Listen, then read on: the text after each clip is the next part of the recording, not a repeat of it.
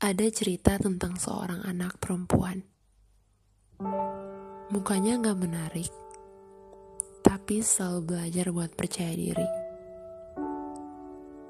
Badannya rada lebar, tapi selalu nganggep kalau itu bentuk tubuh ideal yang dia punya. Tadi pagi waktu lagi bercermin, dia nunjuk dirinya sendiri terus ngomong, Gila cantik banget sih. Ternyata malamnya dia insecure lagi karena gak dikasih tubuh sebagus cewek-cewek di luar sana. Kadang dia belajar untuk bisa love herself. Besoknya dia sadar kalau dirinya gak seberguna itu termasuk di mata dia sendiri.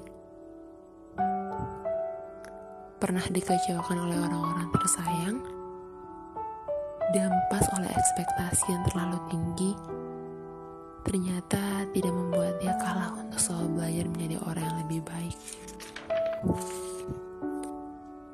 Meskipun kadang sering overthinking gaje, hadapin isi kepala yang selalu rame di kala subuh, tapi dia udah janji ke dirinya sendiri. Buat sebisa mungkin jangan nyerah sama keadaan. Semampu mungkin hadapi semua hal yang ada. Lihat kan, sama kayak yang sebelumnya udah banyak yang dilewatin. Jadi pesan untuk dia, semoga sehat-sehat selalu, bahagia selalu.